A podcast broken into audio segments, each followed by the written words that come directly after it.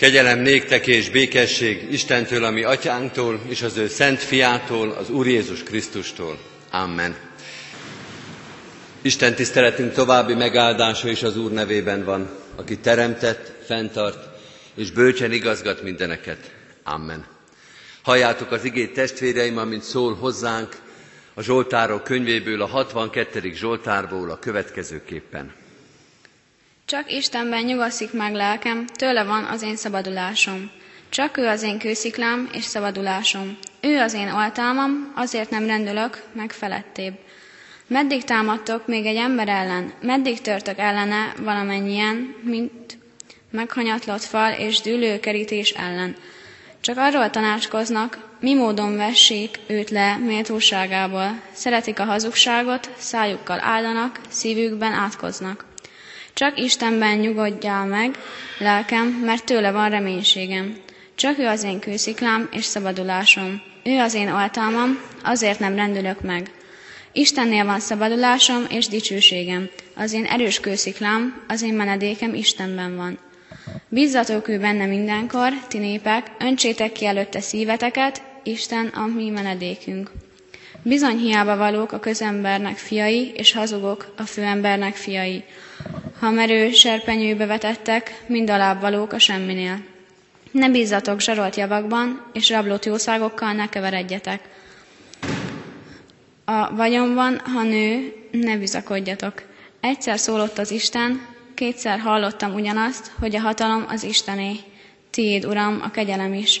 Bizony te fizetsz meg mindenkinek az ő cselekedete szerint. Isten tegye áldottá igének hallgatását és szívünk befogadását. Most hajtsuk meg a fejünket és imádkozzunk. Urunk, mi is szeretnénk hallani a Te hangodat, ezért arra kérünk, légy egészen közel hozzánk, hogy a rossz fülünk és a még rosszabb szívünk el ne menjen üresen és süketen a Te üzeneted mellett. Szólíts meg minket most ezen az Isten tiszteleten, hogy ne legyen hiába valóvá az Isten tiszteletünk, az ünnepünk, ne menjünk haza üres kézzel, és ne menjünk haza kemény szívvel. Szólj és taníts minket. Oly sokszor szóltál és hívtál, amikor nem jöttünk és nem figyeltünk rád. Bocsásd meg az elszalasztott lehetőségeket. Bocsásd meg a kihasználatlanul hagyott alkalmakat. Segíts nekünk megragadni, megbecsülni azt, amikor szólsz és tanítasz. Nyisd meg az életünket, a te szereteted, a kegyelmed, a jelenléted érintse meg az életünket, hogy az megnyíljon te előtted, hogy megértsük, amit mondasz, hogy magunkra vonatkoztassuk, hogy érezzük azt, hogy rólunk szólsz, mert nekünk akarsz jobbat, mert a mi életünket akarod megtisztítani, mert nekünk hoztál üdvösséget. Ezért kérünk, mennyei atyánk, te, aki tudod, hogy mit hoztunk ma eléd, te, aki tudod, hogy mi van a szívünkbe, szólj úgy, hogy az egész közösség, az egész gyülekezet, de egyen-egyenként is értsük és halljuk a szavadat. Szent lelkedért imádkozunk, hogy ne emberi mondatokat, ne emberi gondolatokat és bölcsességet, hanem a Te örök életet adó, a Te megelevenítő, megerősítő, megszentelő igédet halljuk és értsük meg. Így kérünk, szólj hozzánk és taníts minket. Amen. Testvérek, készüljünk az igére, az ige hirdetésére a 151. dicséretünkkel, az egyetlen verszakot énekeljük, Uram Isten, siess minket megsegíteni.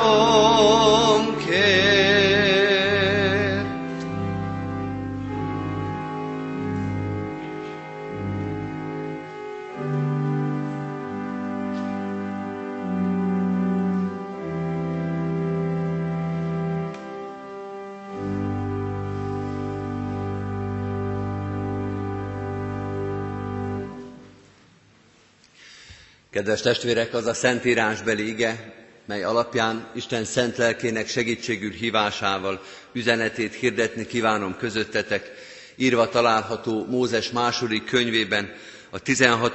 rész 6., 7. és 8. versében a következőképpen. Ekkor ezt mondta Mózes és Áron Izrael fiainak. Ma este megtudjátok, hogy az Úr hozott ki benneteket Egyiptom országából.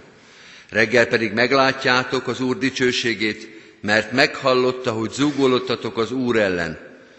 Mik vagyunk mi, hogy ellenünk zúgolódtok. Eddig Istennek írott igéje, foglaljuk el a helyünket.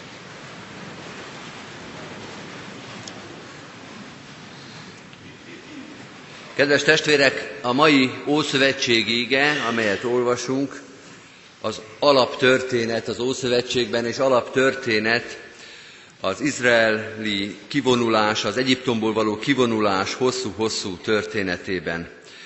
A manna és a fűriek történeténél tartunk.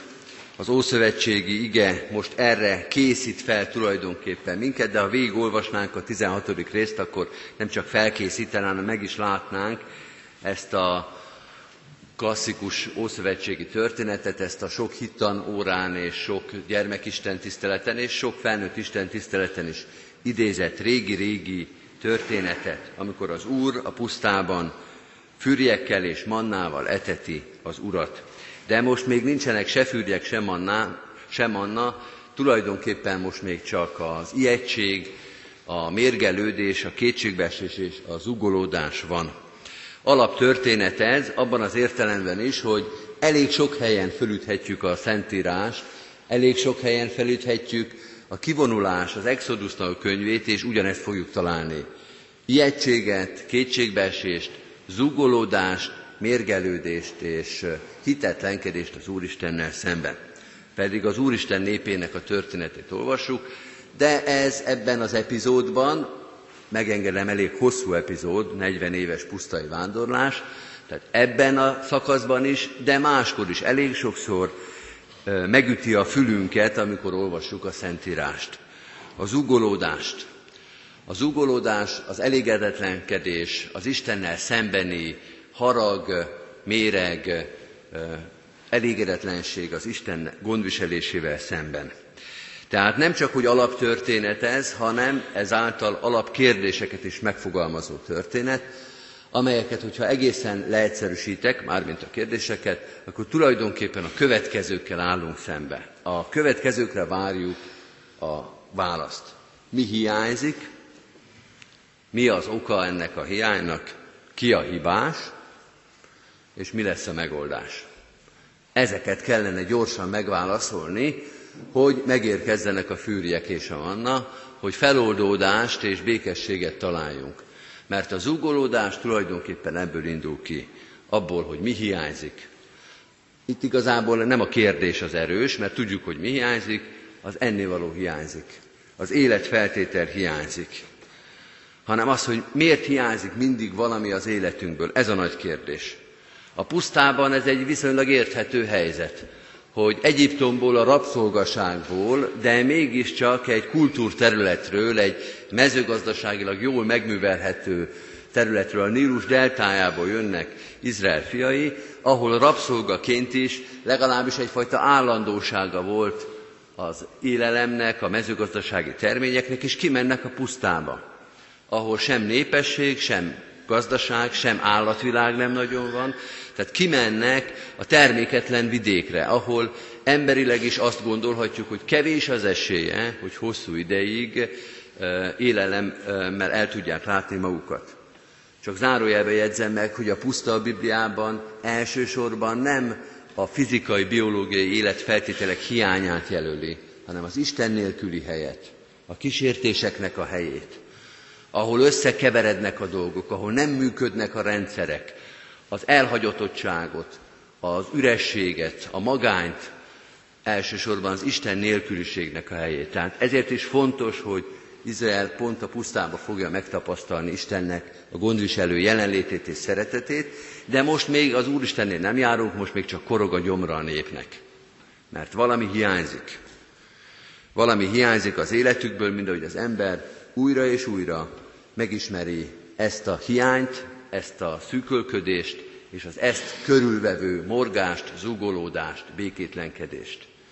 Mert kedves testvérek, a kivonulás idejében a pusztában bizonyos értelemben logikus, hogy az nép újra és újra kétségbe esik. Néha ennivaló hiányzik, máskor az innivaló hiányzik, harmadik helyzetben a biztonság hiányzik, a pusztai rabló népeknek a támadásai miatt zúgolódnak, hogy el fognak veszni ott, aztán majd hiányzik a bevonuláshoz, a ígéret, ígéret földjére való bevonuláshoz való bátorság, ott is zúgolódnak, még ki is mondják, menjünk vissza Egyiptomba, kanyarodjunk vissza, jobb volt a rabszolgaságba.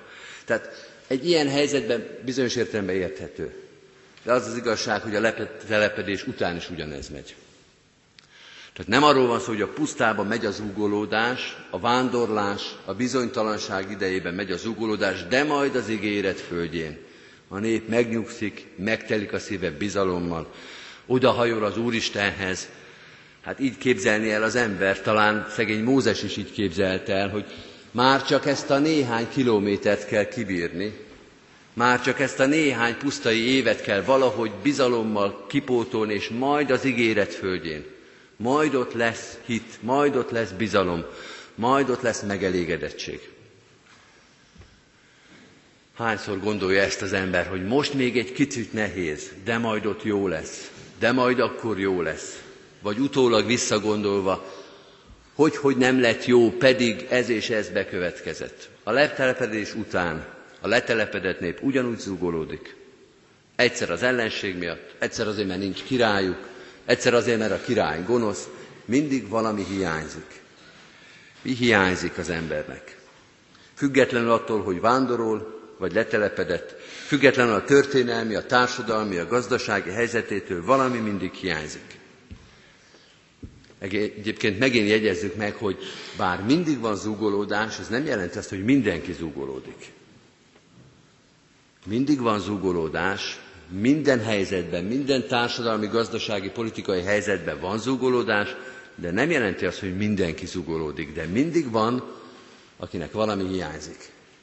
Mindig van, akinek soha nem olyan jó a környezet, a körülötte lévő világ, hogy megelégedett legyen.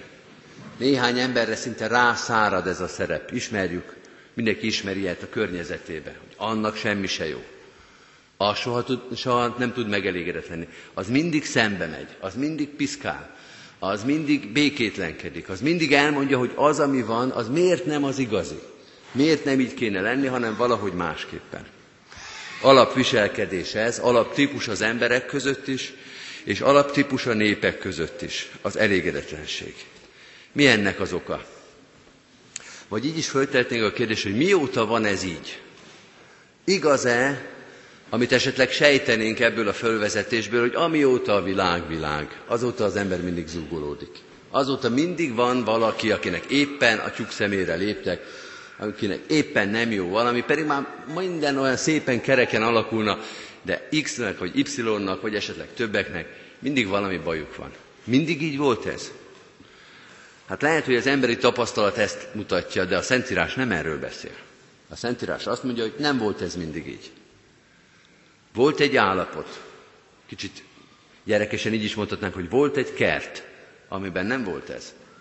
Amikor az ember azt látta, hogy minden teljes és bőséges, és nem csak a földi értelemben, Nem csak a hasát tudta megtölteni, hanem a szívét is megtöltötte az Istennek a közelsége. Hogy Isten nem úgy teremtette az embert, hogy állandóan zúgolódjon és elégedetlenkedjen, hanem igenis volt egy helyzet, amiből ugyan kiszakadtunk, de tudunk róla, de erről szól a Szentírás, hogy az Isten kezdeti bőségben, teljességben, egészségben teremtette meg az embert. Az életünk olyan, mondja ez a ige, mint egy összetört hordó, hogy össze lehet ragasztani, lehet egy kicsit csiszolni, lehet így úgy reparálni, de mindig szivárogni fog belőle valahol a folyadék. Mindig el fog veszíteni valamit. Vagy olyan, mint a pusztai vándorlás, hogy akárhogy is felszerelkezünk, akárhogy is biztosítjuk magunkat, mindig nehéz lesz, mindig kemény lesz, mindig hiányozni fog valami.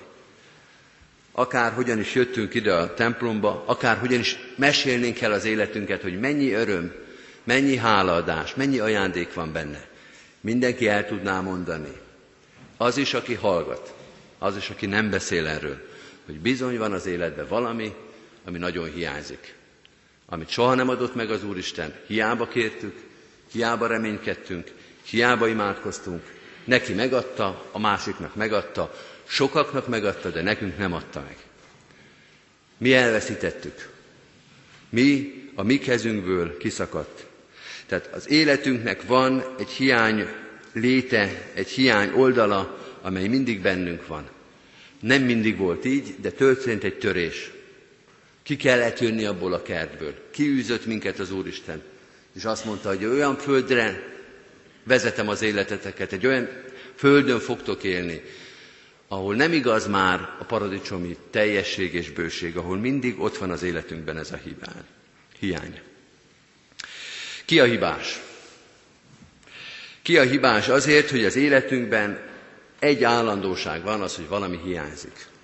Ki a hibás? Hát Izrael azt mondja, a kiválasztott nép azt mondja, a pusztába vándorló nép azt mondja, hogy Mózes és Áron a hibás.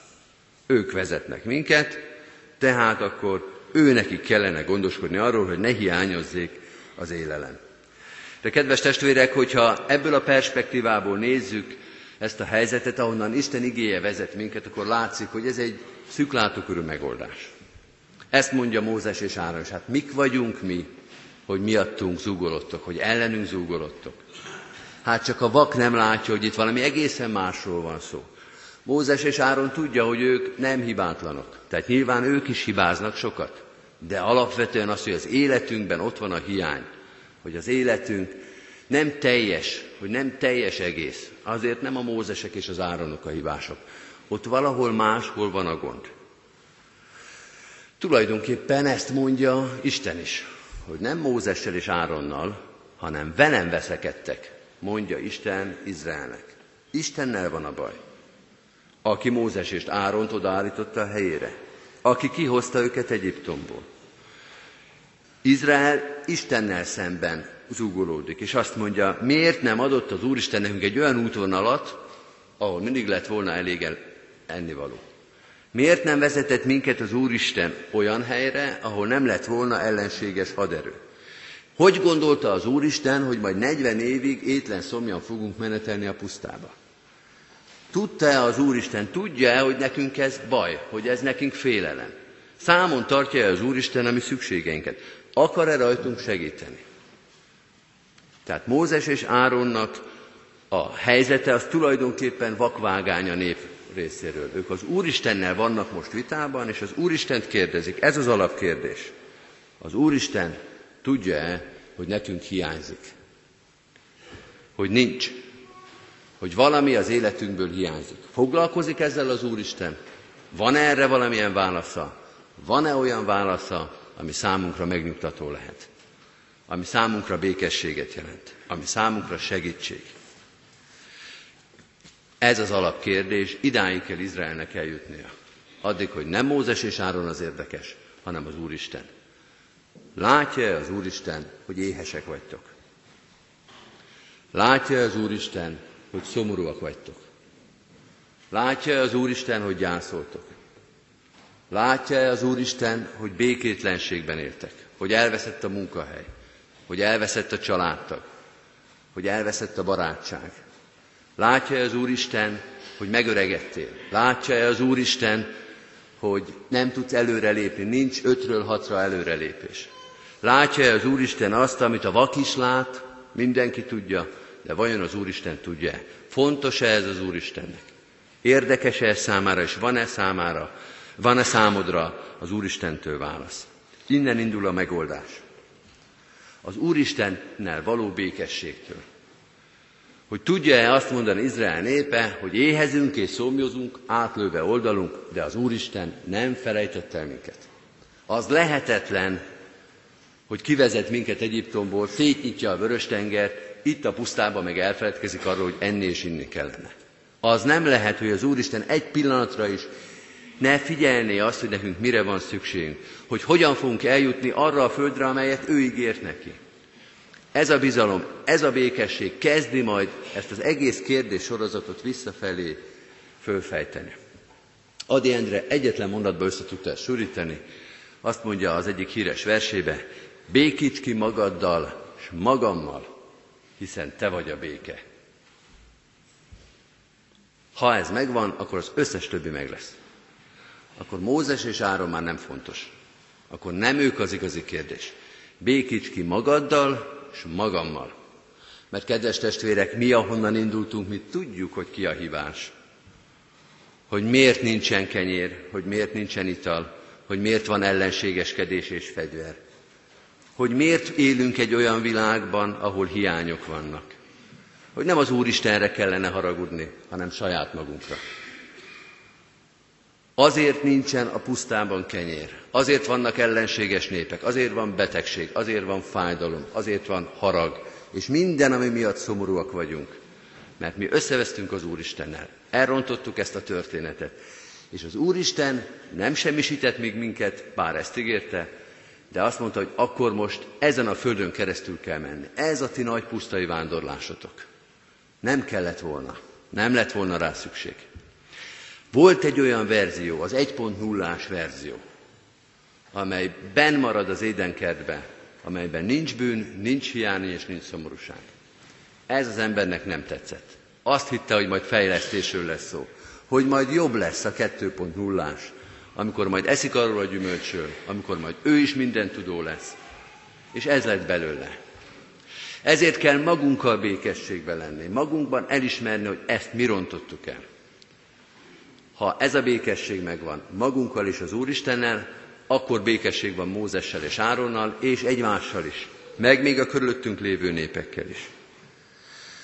Olyan érdekes ez a történet, amelyre itt utalgatunk, a bűnesetnek a története, Ádám és Éva története, hogy amikor szakítanak arról a fáról, és összeomlik minden, amit az Úristen olyan szépen és egészben megteremtett, akkor elbújnak, és amikor az Úristen megkérdezi tőlük, hogy miért bújtatok el, akkor azt mondják, többek között azt mondják, hogy mert szégyeljük magunkat, mert nincsen rajtunk ruha, mert messzítelenek vagyunk.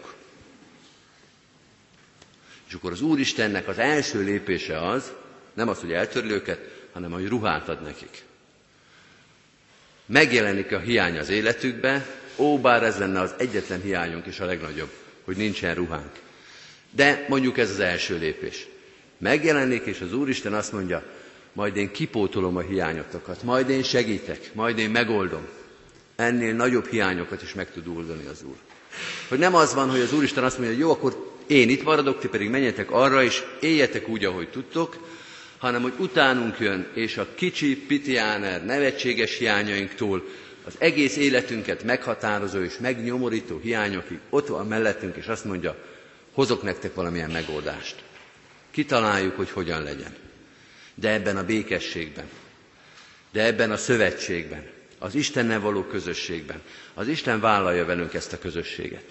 Neki, ő az egyetlen, akinek nem kéne elhagyni az édenkertet, hanem megtehetne, hogy nézi, hogy mi hogyan szenvedünk az édentől keletre, az elválasztó vonalon kívül, a határon vonalon, a kerítésen kívül, nézhetné és mondhatná, ittben bőség van, ittben békesség van, ti meg ott csináljátok azt, amit akartok. De az Úristen nem ezt teszi, hanem utánunk jön, és rögtön, amikor az első hiány jelentkezik, ő azt mondja, hogy nekem van erre egy megoldásom. Az életünk tele van hiányjal, kedves testvérek, de mindegyikre ez a megoldás. Mindegyiknél ez az első lépés. Békesség magammal, te veled, Uram Isten, hiszen te vagy a béke. Szép és teljes ígéret ez, itt a pusztai vándorlás közepén. A pusztai vándorlás közepén is újra és újra erre vezeti rá Isten az ő névét, hogy először velem legyen meg a békességetek, ne Áronnal és Mózessel bíbelődjetek. Ne fedjétek el az egész történetet azzal, hogy kinéztek két bűnbakot, mondjuk ezt a szegény kettőt, és rajta próbáljátok leverni, ami nem közöttetek van, hanem az Úristen és a nép között. Ne tévesszétek el a célt és az irányt. És majd akkor lesz békesség közöttetek is, egymás között is, Áronnal és Mózessel és mindenkivel, amikor majd bennetek a szívetekben és a velem való viszonyban békesség van. Kedves testvérek, ünneplő gyülekezet, erre a békességre hív minket most is az Isten. Abból a hiányból, amelyből jöttünk, amely most is ott van a szívünkben, arra a békességre, amely az ő kezében van, az ő kezében volt az első lépéstől is, és az abba, arra a békességre, amelyre vár minket ebben a földi világban és a földi világon túl is. Amen. Helyünket elfoglalva hajtsuk meg a fejünket imádságra.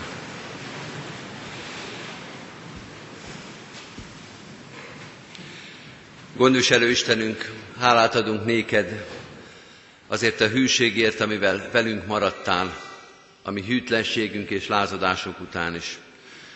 Hálát adunk azért a szeretetért, amely számon tartja minden hiányunkat.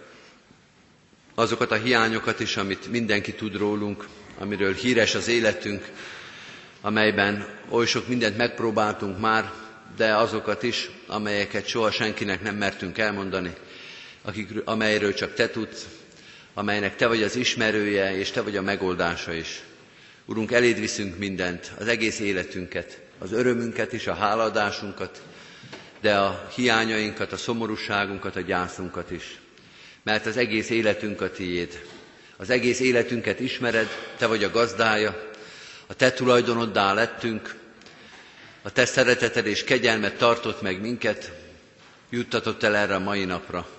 Így hozzuk most eléd az életünket, legyen tiéd most is ez az élet, nézz bele a szívünkbe, mutass rá azokra a dolgokra, amelyekben meg kell erősödnünk, választ külön azokat a dolgokat, amelyeket el kell hagynunk.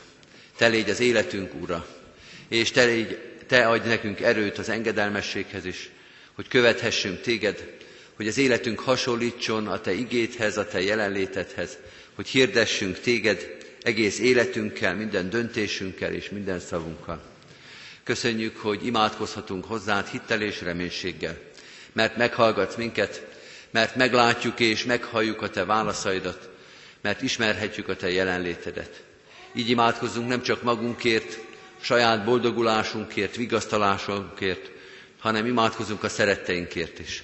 Most elsősorban a gyászolókért, hiszen sokszor álltunk meg egy-egy koporsó mellett az elmúlt időszakban is. Urunk, Te minden gyászunkat ismered, azt is, ami az elmúlt héten ért minket, és azt is, ami régen, évek vagy évtizedek óta nyomja a szívünket. Urunk, Te adj nekünk vigasztalást, mert Te vagy a vigasztalás, Te vagy az élet, Te vagy a feltámadás és a reménység. Mutasd meg nekünk, akik a halál árnyékának völgyében járunk, és akikre időről időre ránehezedik ez a teher, besötétíti még ezt a nyári horizontot is, a gyász és a szomorúság. Urunk, vigasztalj és erősíts minket a magányban, az otthonlétben, a közösségünkben is. Légy velünk a fájdalom és a gyász óráiban. Imádkozunk azokért is, akik betegséggel küzdenek. A kórházban lévőkért, a műtétre készülőkért. Imádkozunk azokért, akik gyógyulásban, felépülésben reménykednek, akiknek az élete, a szíve, a teste, az egész léte megbetegedett, nehéz terheket hordoz. Urunk, Te hordozd a terheinket és a betegségeinket, mert sokszor a mi erőnk ehhez kevés. Te vagy a gyógyítónk, a reménységünk. Így könyörgünk gyógyulásért, reménységért, felépülésért. Erősítsd azokat, akik másokat erősítenek, akik másokat gyógyítanak, akik mások terhét hordozzák. Adj erőt, türelmet, vigasztalást, reménységet a teherhordozásban. Áld meg a gyülekezetünket, annak minden szolgálatát, közösségét. Áld meg az evangélium hirdetését ebben a városban, szerte a világon. Könyörgünk a városunkért is, a körülöttünk élő emberekért, hadd legyünk érthető, hiteles, elérhető és megszólítható apostolaid ebben a világban, hogy halljuk a kérdéseket, a hiányokat, és válaszoljunk rá a Te igéddel, a Te jelenléteddel. Hadd hirdessünk Téged teljes hittel és meggyőző erővel, hogy minél többen találjanak meg Téged, találják meg a hozzád vezető utat, ha kell, a mi bizonyságtételünkön, szavunkon keresztül. Áld meg a városunkat, magyar társadalmunkat, a körülöttünk élő népeket, könyörgünk a háborúságban élő népekért, a testvérekért, akik egymásra támadnak. Imádkozunk a sok-sok menekültért, az üldözött keresztényekért. Urunk, tele van ez a világ szenvedéssel, békétlenséggel, olyan hiányokkal, amely halált, elkeseredést, nélkülözést jelent az embereknek. Urunk, tetősd be minden nélkülözésünket, tetősd be szükségünket, de leginkább Te hirdesd a Te evangéliumodat szerte ebben a világban, hogy egy népként és egy emberként hirdethessük a Te háromszor szent neved dicsőségét. Jézusért, ami Urunkért, az egész világ uráért és megváltójáért. Amen. Most vigyük egyen-egyenként is imádságainkat az Úristen elé.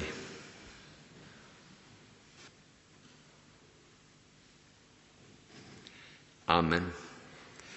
Az Úr imádságot együtt és fennállva mondjuk el. Mi atyánk, aki a mennyekben vagy, szenteltessék meg a te neved. Jöjjön el a te országod, legyen meg a te akaratod, amint a mennyben, úgy a földön is. Minden napi kenyerünket add meg nékünk ma, és bocsáss meg védkeinket, miképpen mi is megbocsátunk az ellenünk védkezőknek. És ne vigy minket kísértésbe, de szabadíts meg a gonosztól, mert tiéd az ország, a hatalom és a dicsőség mind örökké. Amen. Hirdetem az adakozás lehetőségét a gyülekezetnek, hálával áldozatok az Úrnak, és teljesítsétek a felségesnek tett fogadásitokat. Mindezek után Istennek népe áldjon meg titeket az Úr, és őrizzen meg titeket. Világosítsa meg az Úr az ő orcáját, ti rajtatok, és könyörüljön ti rajtatok. Fordítsa az Úr az ő orcáját, tirejátok, és adjon békességet néktek. Amen.